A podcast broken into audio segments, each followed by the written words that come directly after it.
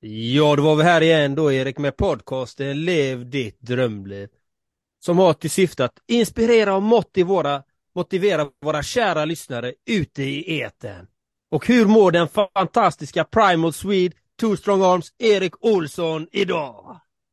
Jag mår, eh, jag mår bra här va och det har varit så här, det här spelas in kort efter påsk också. Jag fick ju till riktigt bra rörelse och träning och fem mil eh, liksom traillöpning och, och, liknande va. Så det är bra va. Och sen, är det ju så här då att det är fredag då så vi har haft så här poddinspelad Vi har haft grymma gäster här. Och vi är båda blivit så här då. Vi var, vi har inte tid med den här podden, vi måste ut och ta action och göra grejer här nu. Vi ska cykla över länder och vi ska cykla till Indien och jag vet inte. Och vi ska starta så här eh, produktlansering på Amazon och grejer va. Så, så det är det jag har, det är det jag har i huvudet just nu. Ja, men så kanske det är för dig med, Andreas.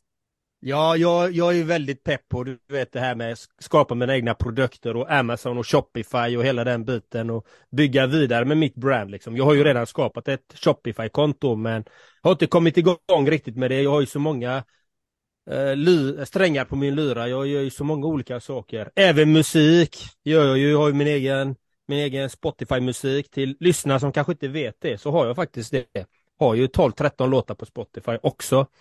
Eh, eh, så jag har en hel del olika grejer på gång.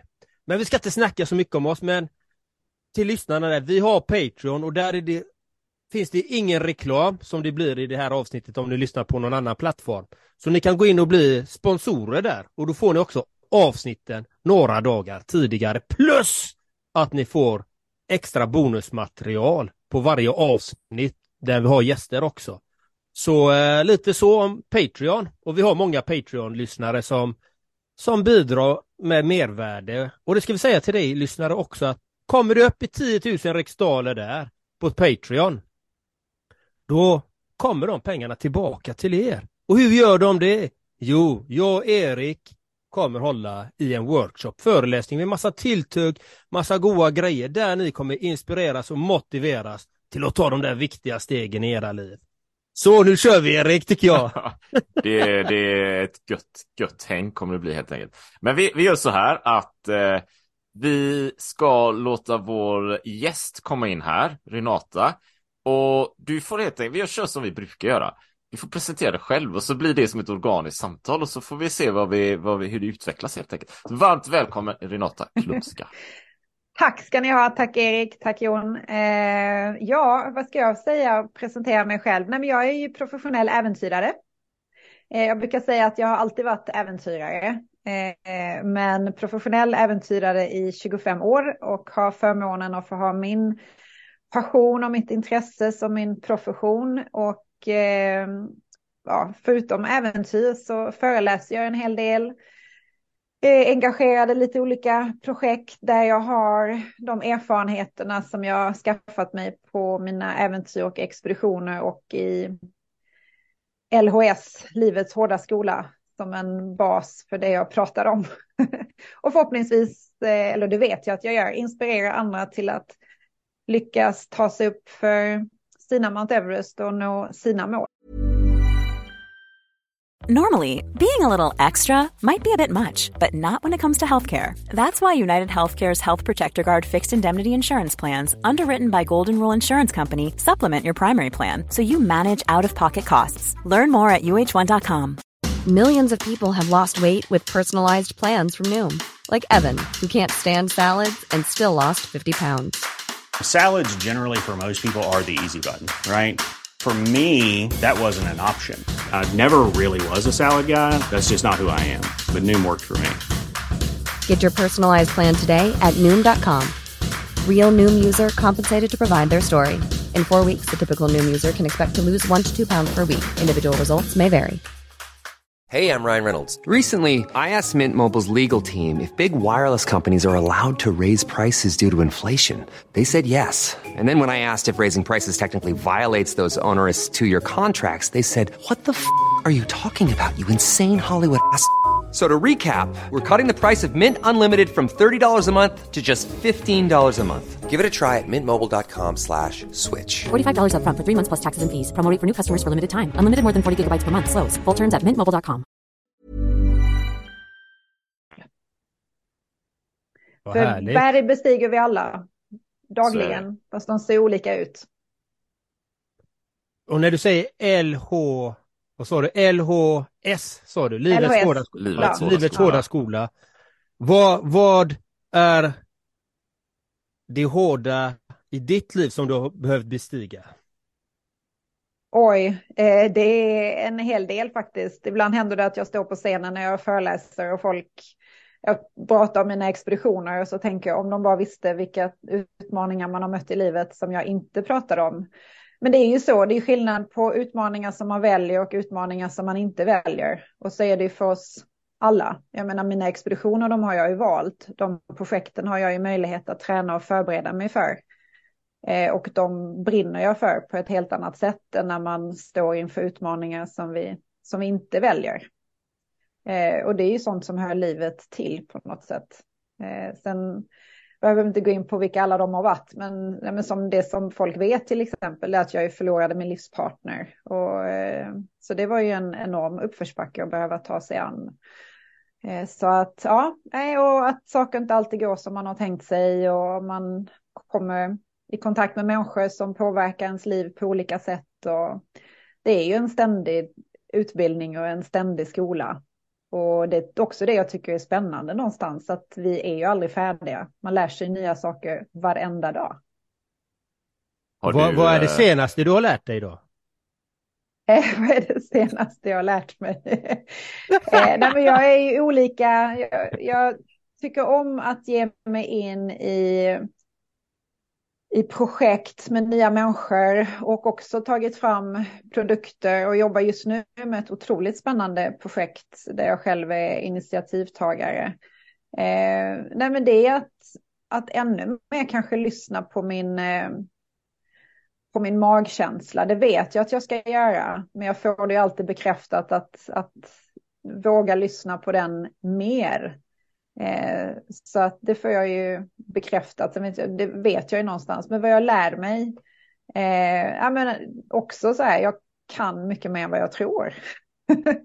Mm. Eh, så att, eh, ja, och att jag ibland ska, ska lära mig och, och kanske lyssna ännu mer. Jag är ganska bra på, i alla fall när det kommer till mina barn, var tyst, lyssna på dem. Inte tjata så mycket. Har du, eh, kan du, eh, kan du nämna lite vad du har gjort så här? Eller kanske ibland när jag får fråga så här, ja men vad har du gjort för någonting? Så ska jag rabbla upp alla sådana, ja jag har cyklat det, gjort det, gjort det, sådär. Men, men det, det är ändå, det är ändå gött liksom. Kan, kan du dela lite vad du har gjort för grejer? Jag, jag, för jag slog upp, jag har ju läst, jag vet ju lite sådär, men jag, jag slog upp din, du har, du har ju sida på Wikipedia här va? Och, och här finns det ju massa, massa grejer. Så Renata Klumska, vad är det lite? Kan du ge oss en liten kort resumé av dina äventyrsbedrifter? Eh, ja, vad har jag hunnit hitta på? Eh, nej men en hel del. Jag, eh, om vi ska ta det i kronologisk ordning från att jag då blev professionell så att säga, då det faktiskt blev mitt yrke. Ja. Eh, så jag var ju baslägerchef på en expedition till Mount Everest eh, 96, cyklade hem från Nepal till Sverige, eh, också det. 96 eh, var i Tibet och klättrade 97 och blev första svenska kvinnan över 8000 meter utan syrgas. Efter den expeditionen körde jag motorcykel hem från Indien. Eh, jag har bestigit Mount Everest, jag har gjort Seven Summits, jag har paddlat runt eh, de lägre 48 staterna i USA. Eh, ja, sen guidar jag ju också, så jag gör en del sådana äventyr. Eh, varit ett antal gånger på, Ja, på Kebnekaise, så jag har tappat räkningen. Men ja, och jag tycker ju om både att paddla och cykla och jag rider och jag dyker och jo, så ska jag ut i rymden också. det räcker inte med jorden, du ska, du ska ännu längre bort. Ja, men det där är ju lite eh, kanske motsägelsefullt eftersom jag ofta säger att och tror på att äventyren verkligen finns runt hörnet. Ja. Eh, och det är jag bra på att förvalta. Eh, jag är duktig på att se äventyren i vardagen och känner ju sällan längtan bort. Eller det är klart jag kan göra, men jag trivs väldigt bra där jag är. Mm, så att det är inte de här stora expeditionerna som, som alltid lockar. Sen är det ett sätt att förgylla livet och, och få den typen av upplevelse är helt, är helt fantastiskt. Men eh, sen är det ju här med rymden. Det är på något sätt eh, the final frontier. Det är ju det ultimata, optimala äventyret på ett sätt. Och få se saker från nya perspektiv. Det har jag alltid tyckt har varit något som har berikat mitt liv och att få se jorden utifrån. Det kommer ju bli helt fantastiskt. Finns det några, finns det några datum så här nu? För det, det, är väl, det har väl sagts ett, ett tag liksom eh, att vi ska starta de här resorna och så vidare. Men, ja, ett det, tag? Är ja, det, det är alltid en definitionsfråga. 13 år har jag haft min biljett. ja, ett tag. Ja, det är, det är ett tag va? Ett tag va? Ja.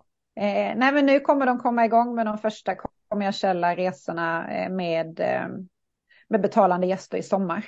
Och jag har plats ja. 192, är faktiskt lägre till och med. Så att, för de har ju gjort om listorna lite. Så att eh, förhoppningsvis blir det väl inom ett, två år nu. Så det börjar dra ihop sig. Spännande. Mm. Vad har du för eh, vad har du för drivkrafter alltså? Eller vad är det som driver dig till att göra de här grejerna? Om jag, om jag delar själv så här så känner jag ju sen jag delar det i, vi hade två avsnitt innan med kille som cyklade till, eh, till eh, Pakistan och sen tog jag flyget ut till Indien och så körde han vidare där. Och, men då delar jag själv också så här att 2010 cyklade jag till Spanien. En sväng så här liksom. Det var det här drömäventyret. Och så hade jag mina eh, fixat packningen, 20 kilo någonting och så var jag ute, ja men det här får ta tid, det är helt okej. Okay. Jag var ute tre månader, 500 mil sådär. Ja. Och det var en magisk upplevelse själv. Så här, va? Men sen när jag kom hem så gick det ett par månader och där någonstans började det klia kroppen på mig. Jag kände att det är någonting som inte stämmer. Jag fattar inte riktigt vad det är som pågår här till slut så slank ju poletten ner då. Och då var det där, ja men nu fattar jag, det är den här, jag, det, det kryper lite inom mig när jag sitter inom de här fyra väggarna och tak. Det blir för, det blir för eh, vardag på det på något sätt. Jag vill, jag vill ut och få de här andra perspektiven och verkligen leva fullt ut va. Och det, det var där någonstans jag började då titta på, ja men eh, traillöpning och ultralöpning och långfärdscykling igen och såna grejer. Så jag hittade ju någonting där. Men hur är det för dig då Renata? Vad är det som får dig ut och gör de här grejerna?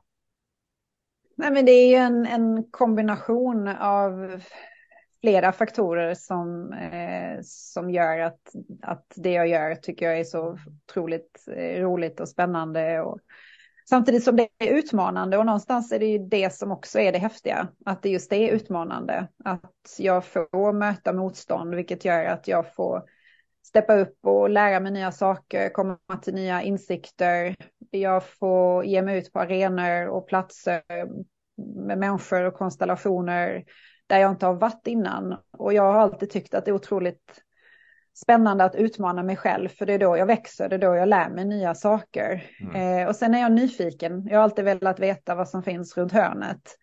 Så att när jag står inför någon situation eh, eller en fråga eller en möjlighet så är jag alltid så här, men varför inte? Alltså är det en dörr som är på halvglänt, ja men då vill jag in och kika vad finns bakom den dörren. Sen kanske man får den rätt i facet.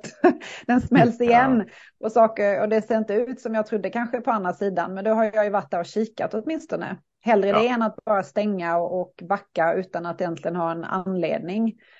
Eh, och sen ja, men, naturen har ju alltid varit viktig för mig. Eh, en fantastisk plats att kunna både vara aktiv och röra på mig men också att må bra, inte bara fysiskt men mentalt. Så är det en plats för återhämtning och reflektion och, och ja, men njuta och glädje eh, att få vara ute i naturen. Så att det är alla de, alla de bitarna. Men lite att det inte är lätt det ska vara utmanande. Eller det, det, det finns vara... värde i det. Ja, men jag tycker det. Eh, många gånger när jag, när jag pratar med människor och när jag ser till mig själv, det folk kommer ihåg, det är ju inte resor där de har legat vid poolen i 14 Nej. dagar i sträck, utan det är ju när det, har, när det har hänt saker som de inte trodde skulle hända eller när det blev svårt och oj så blev det jättedåligt väder eller det här hände och så klarar vi det ändå. Mm. Exakt. Personlig utveckling.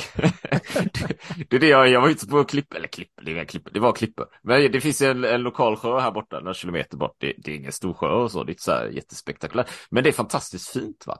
Och så åkte jag dit och stod på klipporna och spelade in lite filmer och så snackade jag precis om det då egentligen va. Det här, det här när det fysiska, det fysiska, du vet, pushar dina gränser, möter det mentala, vad man inte tror att man kan, då pushar man hela, hela sig själv framåt ett antal steg.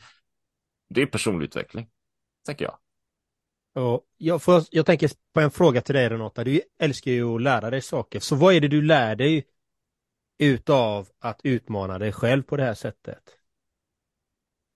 Um, nej men jag lär mig ju att Eh, jag lär mig mina styrkor, jag lär mig mina svagheter, jag lär mig att, eh, att hantera mig själv i olika situationer, jag lär, lär mig eh, interagera med andra människor på ett annat sätt, jag lär mig om kommunikation.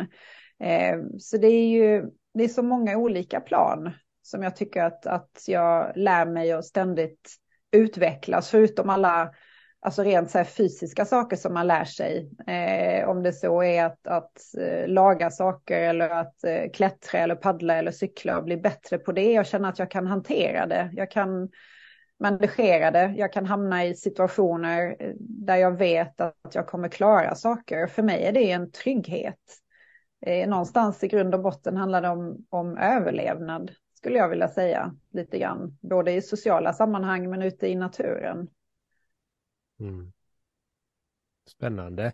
Och när man tänker, för de som inte har, som har gjort sådana äventyr som du har gjort, vad är det de ska tänka på om de vill göra sådana här äventyr? Har du några handfasta tips till dem? Um, jag tror att man, många har ju drömmar naturligtvis. Mm. Eh, och idéer och funderingar. Eh, och det är så lätt att de stannar i huvudet och är de här stora drömmarna och sen går tiden och så är de fortfarande de här stora drömmarna. Jag tror det handlar mycket om att, eller jag vet att det handlar ju också mycket om att, att konkretisera det, bli tydlig, få ner det på papper, uttryck det, vad är det jag vill göra, varför vill jag göra det? Och hur ska jag göra det? Och sen göra en plan och börja titta på, okej, okay, vad är det första steget jag måste ta? Ja, men vill jag bestiga Mount Everest, ja, men det kanske bra att gå en klätterkurs. Eller höra av sig till, kanske, eh, höra av sig till eh, Eh, den lokala klätterklubben och, och börja testa och klättra på en inomhusvägg eller vad som helst. Eller lära sig segla eller gå en kurs eller lära sig ett språk. Men att börja lyfta luren eller börja ta det där första steget. Eh, och när man gör det så upptäcker man ju ganska snart att det går. Eh, och så är det fortfarande för svårt, ja då får man ju bryta ner det. Men var realistisk i att det kommer ta tid, det kommer vara hårt arbete, det är ingen annan som gör det åt dig. Men det är också då belön belöningen blir som störst. När du sen har klarat av det och du tittar tillbaka på hela den här listan och du ser allt vad du ja. har checkat av. Men ta den där drömmen, få ner den på ett pappersblad eller sätt det i datorn och, och skriv ner det. Eller säg det till någon annan. För då blir det också att då blir det tydligare. Så det är väl det första jag skulle rekommendera om någon har drömmar och, och vill uppleva något. Det kan vara en resa eller börja spara pengar. Men ta tag i det och gör det. Gör det tydligt och konkret. Jag har en, en, en, liknande eller motsvarande följdfråga där egentligen, lite hur man kan tänka då. För du, du är ute och håller föreläsningar och inspirerar och träffar mycket människor tänker jag mig. Och så, och så är du där och, och pratar på och så blir folk så här, shit, jag vill göra grejer. Och sen kanske du pratar med dem i efterhand och sådär. Vad är deras vanligaste ursäkter för att de inte kan komma iväg? Ofta handlar det om prioriteringar. Att man, eh, att man man låter andra saker gå före och man har ursäkter att man hinner inte eller jag kan inte. Och vad ska andra tycka och tänka? Jag är för gammal. jag är för ja. ung. Nej, men det är... Och sen är det klart, ekonomi är inte helt oviktigt naturligtvis. En del äventyr kan ju kosta väldigt mycket, men då kanske man inte behöver göra allt på en gång. Ja. Man kanske kan bryta ner det och dela upp det Eh, och så kanske man ibland också kommer fram till att, men vänta lite, det är inte det här jag vill göra. alltså ibland kan ju drömmar lätt bli en slags illusion där vi tror att bara jag gör det här så kommer allting bli mycket, mycket bättre. Eller det är verkligen det här jag vill göra. Och så upptäcker man sen att det inte var det. Så åtminstone bara börja försöka i mindre skala. Så kanske, jag har ju själv haft en sån grej. Där jag ja. hade målat upp ett, ett projekt som jag var helt säker på att det här är min nästa grej. Eh, och så började jag träna för det och så kom jag fram till att, men vänta lite, det här är inte alls som jag hade tänkt mig. Jag hade helt fel bild av vad jag trodde att det här skulle vara. Jag har en liknande också. Så då har jag lagt det i byrålådan ja. och så får jag väl tweaka det lite. Jag kommer säkert göra något liknande, men inte så som jag trodde. Och det hade jag aldrig kommit på om jag inte ens hade börjat försöka. Och sen istället titta tillbaka och tänka på varför gjorde jag inte det? Mm. Jag tror det är viktigt att komma till avslut eller till ja, insikt. Ja, intressant. Om, om man tittar på, nu pratar vi väldigt mycket om yttre äventyr. Har du gjort något inre äventyr? Ja, men det gör jag ju dagligen. Eh, och det är väl egentligen de som är de stora på något sätt. Eh, jag menar, det mentala är ju med hela tiden, även när man gör, gör, gör fysiska. Eh, Nej, men det är ju att, att gå utanför sin, eh, alltså det, igen, det beror på hur du definierar äventyr. För mig är ju livet verkligen ett äventyr. Det handlar om att ge sig ut eller in på något som du inte vet hur det slutar. Där utgången på något sätt är oviss. Men det är också det jag tycker är det kittlande, det spännande. Jag har inte facit. Och det har man ju verkligen inte i livet och det har vi inte när vi vaknar på morgonen så vet vi inte hur livet kommer vara när vi går och lägger oss på kvällen. Mm. Ehm, så jag, det är ju varje dag på så sätt är ju verkligen ett, ett äventyr och att jag får ju ofta frågan när det kommer till just mina vanliga expeditioner eller ovanliga expeditioner. Ehm, men det här med rädsla till exempel. Ehm, och att, att lära sig hantera rädslor och bli vän med rädslor. Och det finns ju saker jag kan vara, tänka på i vardagen som skrämmer mig, som jag inte kan påverka. Och hur förhåller man sig till det? Så att ja, nej, det är ju varje dag är det ju en mental, ett mentalt äventyr och, och lärdomar. Det hänger ihop, mind-body, mind-body connection. Ja men det gör det, det är ett system som lirar ihop, helt klart. Ja.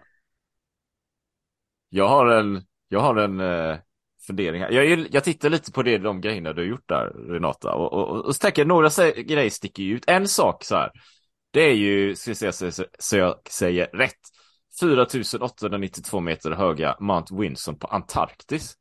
Och så tänker jag, bestiga berg så här, det kan ju, jag ser det framför mig, man bestiger berg, jag, jag är kass på att. Jag, jag, jag är höjdrädd. Jag, jag, gillar, jag gillar inte berg. Jag gillar att se på berg. Kanske blir det någonting jag gör framöver. Men okej, okay, jag, kan, jag kan förstå bestiga berg. Det är ju fantastiskt så sett. Men är det på Antarktis, det är, det är lite speciellt. Det ligger ju rätt långt borta. Och det är Antarktis, det är svinkallt. Och jag, jag, det jag tittar på Antarktis, föreställer mig det abstrakt, så ser jag, det är ganska platt så här. Det är väl bara platt liksom. Och så är det massa snö och is. Men det är ju, nej, nick, Renata nickar nej här nu. Kan du inte berätta lite om den upplevelsen? Det skulle vara, jag är lite nyfiken. Nej, men Antarktis är ju allt annat än platt. Inte platt. Det är ju eh, fantastiska bergskedjor på, på Antarktis och det är ju verkligen som en annan planet.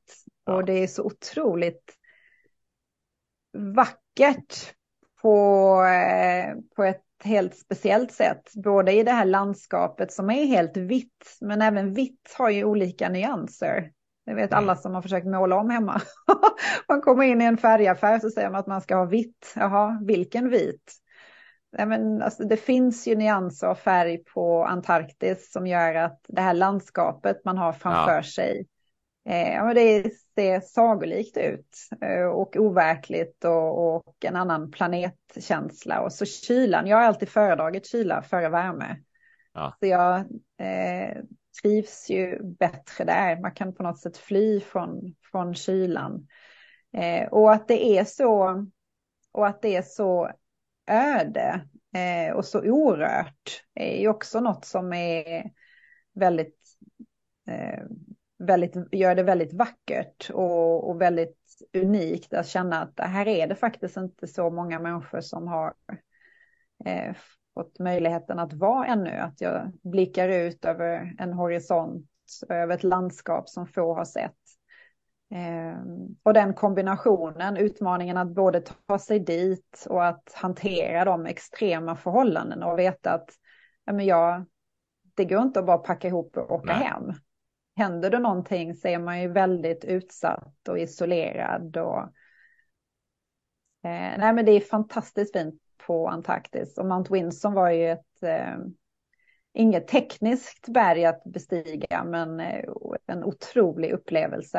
Eh, väldigt, väldigt, eh, väldigt, väldigt vackert och, eh, och fint. Vad är det för temperaturer vi, vi pratar om då? Ja, men det är ju kallt, men det är fortfarande, eh, även om det är minus 20-30 grader så är det ju en, en kyla som är, är, är torr. Eh, alltså ja. jag bor i Jönköping plus två grader när det blåser över Vättern kan jag ibland få ja. fundera på hur överlevde jag på Antarktis. Eh, men där är man ju också mentalt förberedd för kylan. Eh, men det är klart, det kryper ju in. Det kryper in genom alla lager av kläder och genom hud och in i benet. Liksom man, när det blir extremt kallt så...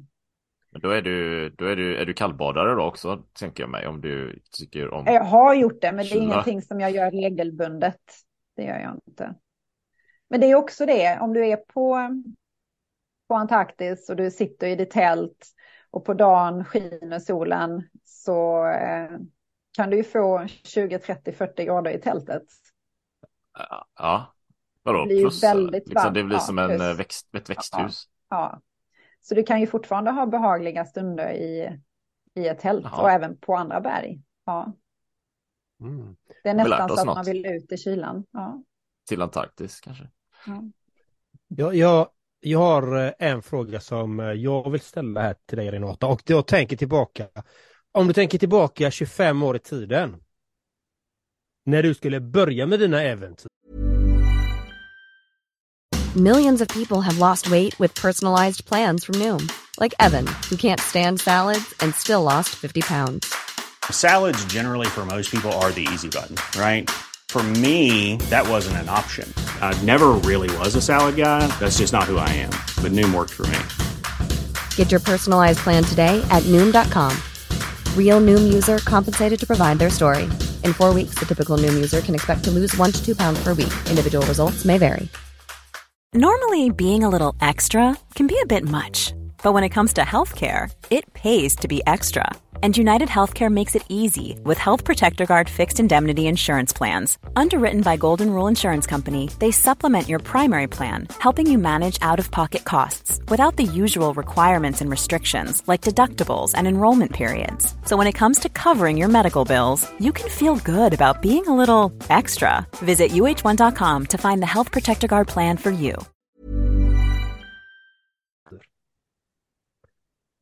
Vad mötte du på för motstånd i dig själv kanske och i den externa miljön av människor och sådant som hade sina meningar och tycken om det du skulle göra? Och hur övervann du de här motstånden?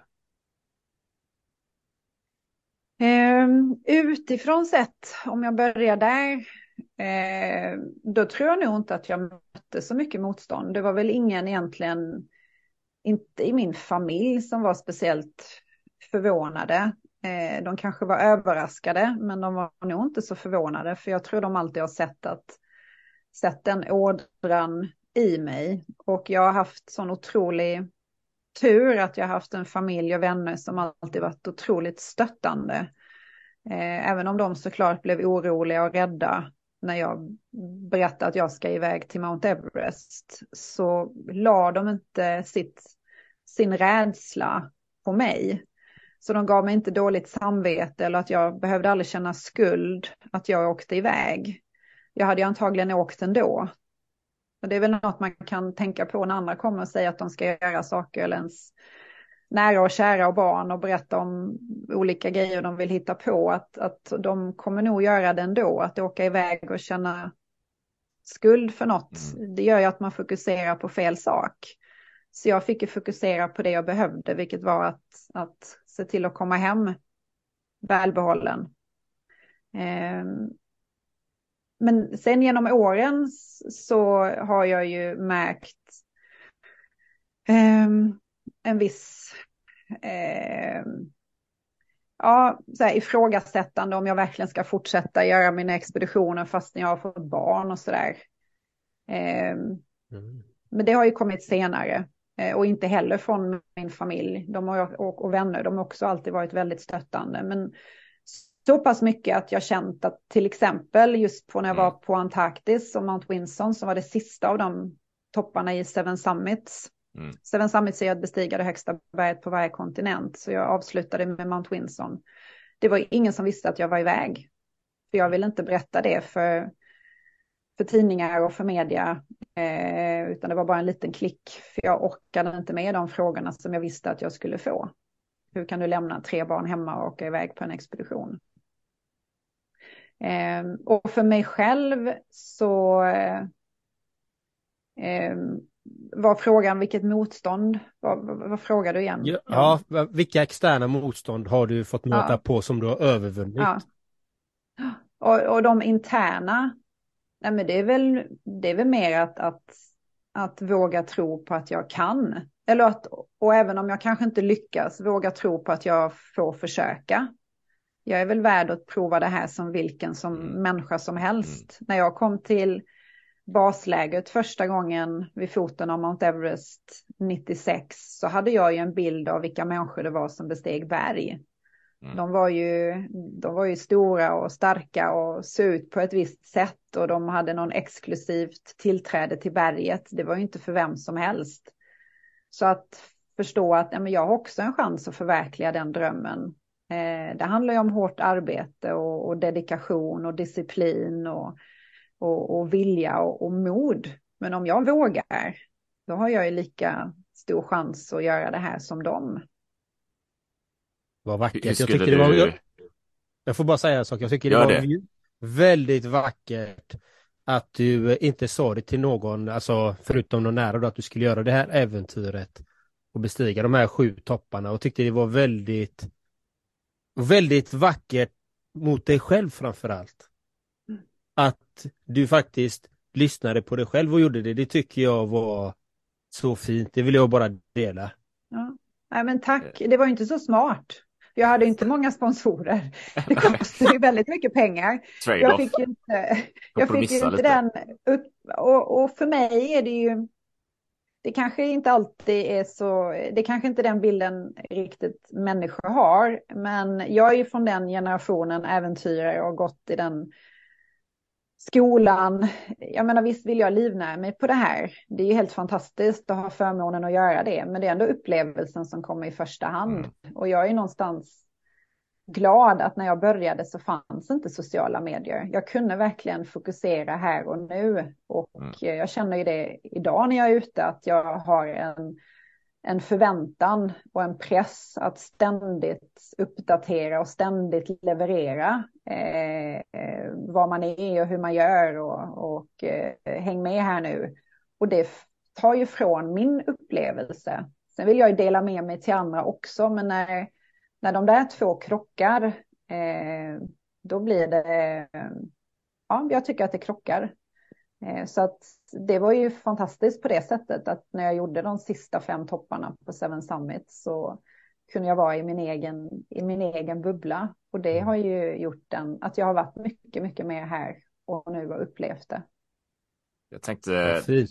jättefint. Och jag tänkte också att det, det är så sant i den mindre skalan. Det kan jag uppleva när jag är ute och springer bara här i området, sådär, någon mil eller någonting. Och så, och så ska man, ska man lägga upp något på Instagram eller sådär. Ja, men då blir det ju en krock här va. För, för jag är ju ute i mitt eget och upplever naturen och det är fantastiskt.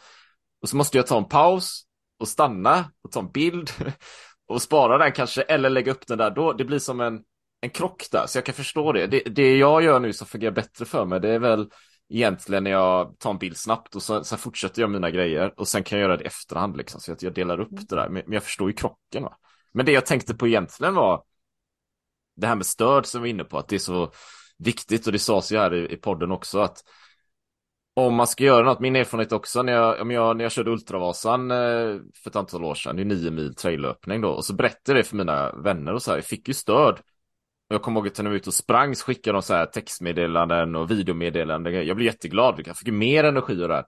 Men jag har också varit med i fall där jag berättat om att jag ska cykla till Spanien och sådär. Och så kanske det blir lite så här, nej, lite negativ men, men frågasättande kommentarer och så här. Det är lite trist alltså. Det, tar, det sänker ju energin lite grann.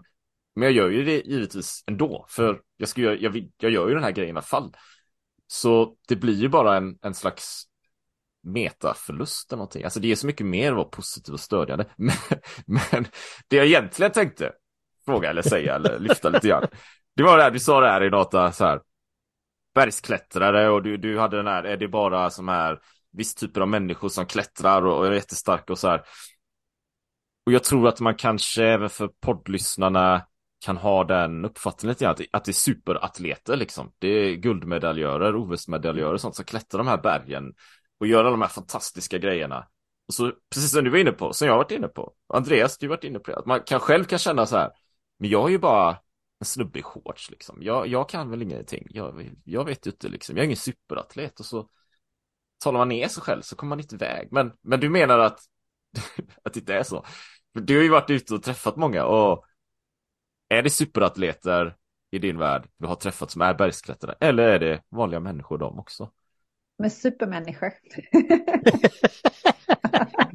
Vad lång utläggning hade där också. Ja, supermänniskor. Nej men, nej, men eh, de är ju drömmare. Fast drömmare som, som förverkligar drömmarna. Eh, men det är inte fysiken det hänger på. Så det är klart att du måste ha en viss fysik också, självklart. Men det kan du ju träna upp.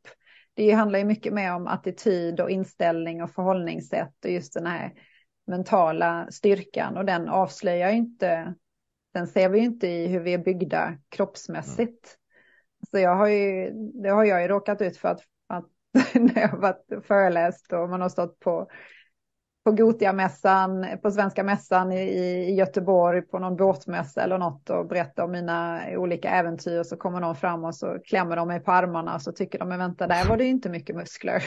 så bara okej. Okay. Nej, nej.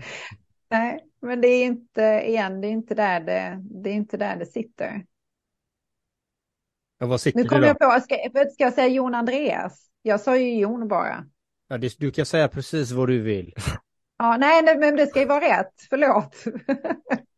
Alla svar som är med känslan av att det ska vara rätt blir rätt. Okay, ja, brukar jag säga. Så det gör inget, det spelar ingen roll för min del. Vissa kallar mig John, vissa kallar mig Andreas, vissa kallar mig John Andreas, vissa ja. kallar mig Gentlemen's coach. Det, det, spelar ingen roll. Eller älskling, eller Robocop, eller Terminator. Det beror på vad man vill kalla mig. Kärt barn har många namn va? Han brukar säga det. Gått i den hårda skolan jag med. Men jag blev lite nyfiken där på det, Erik, när du sa att du inte möttes, alltså du fick folk ifrågasatte när du skulle cykla. Vad var det de ifrågasatte då? Nej, men det är väl, jag skulle nog vilja säga att min erfarenhet så har det väl varit min närmsta släkt kanske förälder, mamma och bror, om de lyssnar på det här poddavsnittet vet inte. Men, men det kanske inte varit ifrågasättande utan det mer varit, aha, ska du verkligen göra det liksom? Lite sådär. Vad ska det vara bra för? Vad ska det, ja men typ så här, vad ska det vara bra för? Ska inte du växa upp och skaffa ett jobb och skaffa familj liksom? Sådana här grejer. Klippa dig.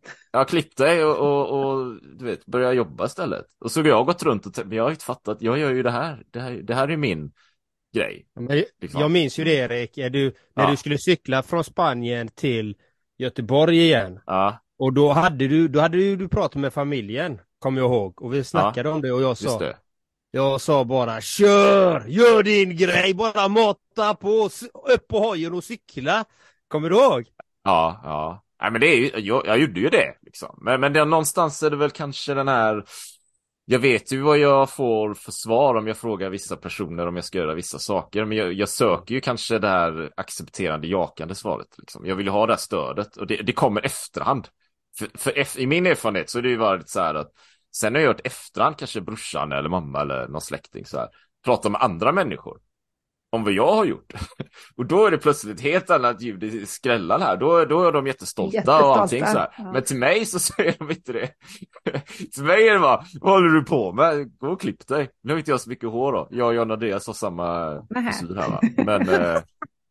men det är det, men någonstans, det, samtidigt är det viktigt att faktiskt ha, inte bara ha ja-sägare för det upplever jag ibland, att, att, eh, eller har jag ju upplevt genom åren, att, att ha de som vågar också ifrågasätta, eh, ifrågasätta och våga ställa tuffa frågor gör ju också att jag får tänka mm. till. Mm. För de, så länge det kommer från en plats av kärlek och, och välvilja, att de är rädda om en eller de vill ens bästa. Så det är jättebra när människor utmanar en på det sättet och, och också säger hur har du tänkt där? Vad ska det vara bra för? Eh, så att man tänker ett steg till.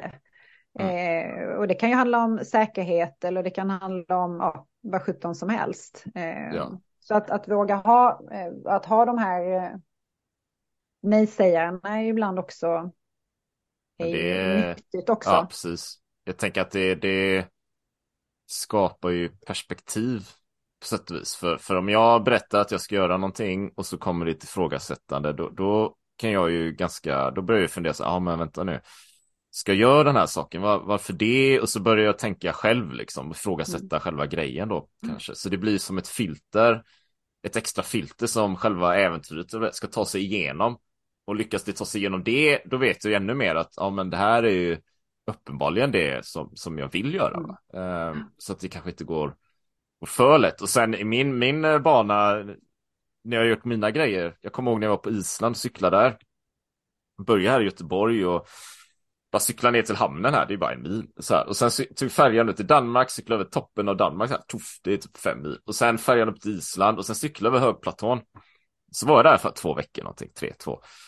Så bara världens, alltså på isländska högplatån, jag nämnde innan i podden. Det är, det är helt platt och det är bara sten och det är glaciärer på varje sida, typ västerut och österut. Och det bara blåser så här halv orkan, typ, eller det blåser starka vindar så här. Så vid något tillfälle hade jag världens motvind, så jag stod upp så här på min så här feta mountainbike, 25, eller 50 så blir det, stora feta däck, packning och skit. Och stod upp, försökte trampa mot vinden. Och där tänkte jag, fan det här är det bästa jag vet. det är det här jag ska göra liksom. Jag har allting emot mig, så jag borde egentligen kanske då tänka att, ja vilken skit är det? Nej, jag tänkte, det här, det här är världsklass, jag, jag älskar att göra de här grejerna. Och det är ju svaret liksom. Mm. Ja. Men, men jag tänker på kritik eller eh, personligen har jag ju upplevt eh, människor som projicerar sin egen rädsla på en. Deras förutfattade meningar om det som jag ska göra. Då tänker jag, i ditt fall då Renata, är det människor som har projicerat sin rädsla på dig om deras förutfattade meningar när det gäller dina typer av äventyr du vill göra eller har gjort? Jo, men det händer ju väldigt ofta. Eh, men när jag har föreläsningar, många gånger de frågorna som dyker upp, eller på intervjuer eller poddar, de frågorna som dyker upp säger ju någonstans mycket mer om den personen som ställer frågan än om mig själv. Mm. Så är det ju. Eh, jag vet, och i början av min karriär när jag var ute och föreläste, då var det väldigt många som kom fram till mig, kvinnor som kom fram och sa, nej men stackars dig att han drar med dig på alla de här expeditionerna. Eh, syftade då på Göran som jag ja, levde ihop med. Ja. Att han drar med dig på allt det här och det måste vara jättejobbigt och så ska du bo i tält och så kan du inte duscha. Nej men stackars dig. Ja? Att du orkar. Eller ska du inte göra något annat istället? eh, ja. Eller den här också en väldigt vanlig fråga som jag som, och idag får jag inte den typen av frågor lika ofta eftersom jag uppenbarligen har fortsatt även efter att Göran förolyckades. Så då, då förstår ju folk att det är ingen som tvingar mig. Jag gör ju faktiskt det här för att jag vill. Mm. Men en annan väldigt vanlig fråga är ju att men är du aldrig rädd för att vara ensam? Eller är det inte jobbigt att vara ensam? Hur hanterar du ensamheten? Mm. Det är en återkommande fråga, vilket gör mig väldigt eh, ja, men, vad ska jag säga, ledsen, för jag förstår ju då att det är väldigt många människor som känner sig ensamma. Och det vet vi att så är det ju. Och att det är någonting som vi eller många tycker är obehagligt och, och jobbigt. Medan för mm. mig är ensamhet, sen är det ju igen, det är skillnad på val, ensamhet och inte, men, men ändå att, att trivas med sig själv. Det är väl någonstans det det handlar om och det är så otroligt fundamentalt. Det är en person jag ska ha en relation med resten av livet och det är mig själv. Mm. Och den personen är det ju bra om jag lär känna och jag accepterar och trivs med och mår bra med. Och då måste jag ju få tid med att lära känna den personen och då behöver jag ju tid själv. För mina tankar, för mina funderingar. Ehm, och, och idag är, är det ju uppenbarligen många som inte heller vågar vara själv. Och vi behöver inte vara ensamma på det sättet. För så fort vi har en stund själva på, på tåget eller på bussen Mm. så får vi, kan vi fly iväg i andras liv och, och, och sitter med våra mobiltelefoner och så får vi inte den här egentiden. Och så rusar livet på och sen går vi in i väggen och eh, kommer på att vi kanske ska åka till Indien och ta in på kloster och inte prata med någon i ett år. Men då har det ju gått för långt. Tack. Utan att göra de här... Nej, men jag, jag tror det är viktigt att göra de här mikro pauserna och mötena med sig själv och sina egna tankar. Eh, och lär känna sig själv. Och jag märker ju det när jag guidar vad som händer när människor kommer ut i naturen, är i rörelse och den där just kombinationen att både få, få tid för sina tankar och samtidigt vara i rörelse. Alltså det händer helt otroliga saker med oss. Och jag menar, jag har varit med om att människor har eh, kommit fram till att de ska börja plugga, de ska starta företag, de ska förverkliga sina idéer, de ska förverkliga sig själva, de ska eh, gifta sig, de ska skilja sig. Mm. eh, de kommer fram till att de, ja men stora saker. Och det är klart, om du, eh, om du aldrig och det är jobbigt att låta de där sakerna bubbla upp ibland såklart. För då kanske när du väl erkänner det för dig själv att jag är inte lycklig, då måste du göra någonting åt det. Och då kanske det är lättare kortsiktigt att förtränga det, men på lång sikt är det ju förödande. Mm. Så, eh, så det här med ensamhet är ju, och för mig är det en bristvara, det är en lyxvara att få tid för mig själv, för mina Mm. tankar. Sen behöver det inte vara timmar, men det kan vara mikrostunder under dagen. Hur, gör- hur gör du under dagen för att få den här, de här mikrostunderna då? Men jag, jag har ju ett, eh, för de som följer mig då vet ju att jag har ju min morgonrutin. Så jag får ju min timme med mig själv på morgonen när jag är ute och går mina morgonpromenader ute i naturen. Eh, så jag går ju varje morgon när jag är hemma i Jönköping. Eh, ställer klockan på 03.50 och kopplar på mig, lastar på min viktväst och, och vikter så att jag även får det här fysiska. Men ut och går i eh, 45 minuter till en timme varje dag. Vad härligt. Härligt, mycket bra. Innan alla andra vaknar på morgonen. Ja. Då är vi två i alla fall. Ja. Gör du också det? Ja, jag, jag går upp väldigt tidigt faktiskt. Inte Ja. idag, idag var det fem, jag hade lite sovmorgon, men oftast har jag på 3.45 är min klocka inställd liksom. Då går jag Då ska du vara fem minuter före mig. Ja, det vet jag inte, men jag har 3.45. Jag har 03.50. Men det är ju också det att vara ute när jag vet att, att ingen annan... Jag missar ingenting. Det är inte så att jag är rädd för att missa något. Men jag vet, det började ju för mig när barnen var små. Jag hittade ingen bra tid att träna. Och jag ville inte vara ute och gå och träna och känna att barnen kanske ja, behövde mig hemma eller vaknade och undrade vad jag var. Och nu vet jag att så här är det ingen som saknar mig mellan fyra och fem på morgonen. 4 till 11, då vaknar barnen. Men vad fint! Och jag gillar det att du nämner viktväst, för jag har ju det ofta eh, på mig själv liksom, när jag är ute och plockar svamp eller är ute i naturen. Så jag går med min viktväst liksom, och det, det är många som, varför, varför går du med skottsäker väst ute? Men det är ju för, precis som du, att optimera, att få med sig vikten och få med sig konditionen, få hjärtat att pumpa, hela den här biten. Så att jag tycker det, Det- det, är, fint, det är fint att höra att du... Och det är eh, därför uppe man får gå så tidigt på morgonen, just därför att man vill inte ha alla de här frågorna heller. Man ser ju ut som en attentatsperson när man kommer med allt det där på sig. Det ser ju livsfarligt ut. Jag har gått här lite grann i området och med, jag har också en viktväst. Ehm, jag har fått alla möjliga frågor. Är du, eh, är du, jobbar du med polisen? Ja. Nej, vad- ja, jag bara går där liksom. Å andra sidan är jag ju känd här i området för jag springer ju bara i shorts också. Ofta så här bara överkropp. året runt. Så jag sticker väl ut kanske. Men man, man får frågor. Så, så det finns Ja. värde att göra tidigt. Jag tänker Renata, innan vi går in i den sista delen eh, med Patreon, så, så vi, har du några sista välvalda ord till de här lyssnarna som lyssnar på den här plattformen? Någonting, något tips för att följa sina drömmar eller balansera livet eller spendera tid med sig själv eller det kan vara vad som helst. Oj, Det kan vara vad som Eh, helst. ja precis, tack. Ge mig en riktning Varsågod. så blir det lättare. Ja, eh, en riktning, följa sitt äventyr. Men jag tror att, att eh, förringa inte äventyren i vardagen. Eh, och, och ibland när man står inför utmaningar och saker som är tuffa och svåra, alltså bara definiera någonting som ett äventyr gör ju det så mycket mer lustfullt och roligt och lekfullt. Det tycker jag i alla fall. För det finns, för mig finns det någonting kittlande i ordet äventyr och en accepterad ovisshet istället för att tänka att jag står inför någonting svårt och jobbigt eller ett problem. Se det som ett äventyr istället. Och Det var- känn dig som en äventyrare. Den Det gillar var jag. kände som en äventyrare. För du är en äventyrare, fatta det nu. Fatta det nu, vakna Ja. nu. Du är en äventyrare, och till tid. Så tusen tack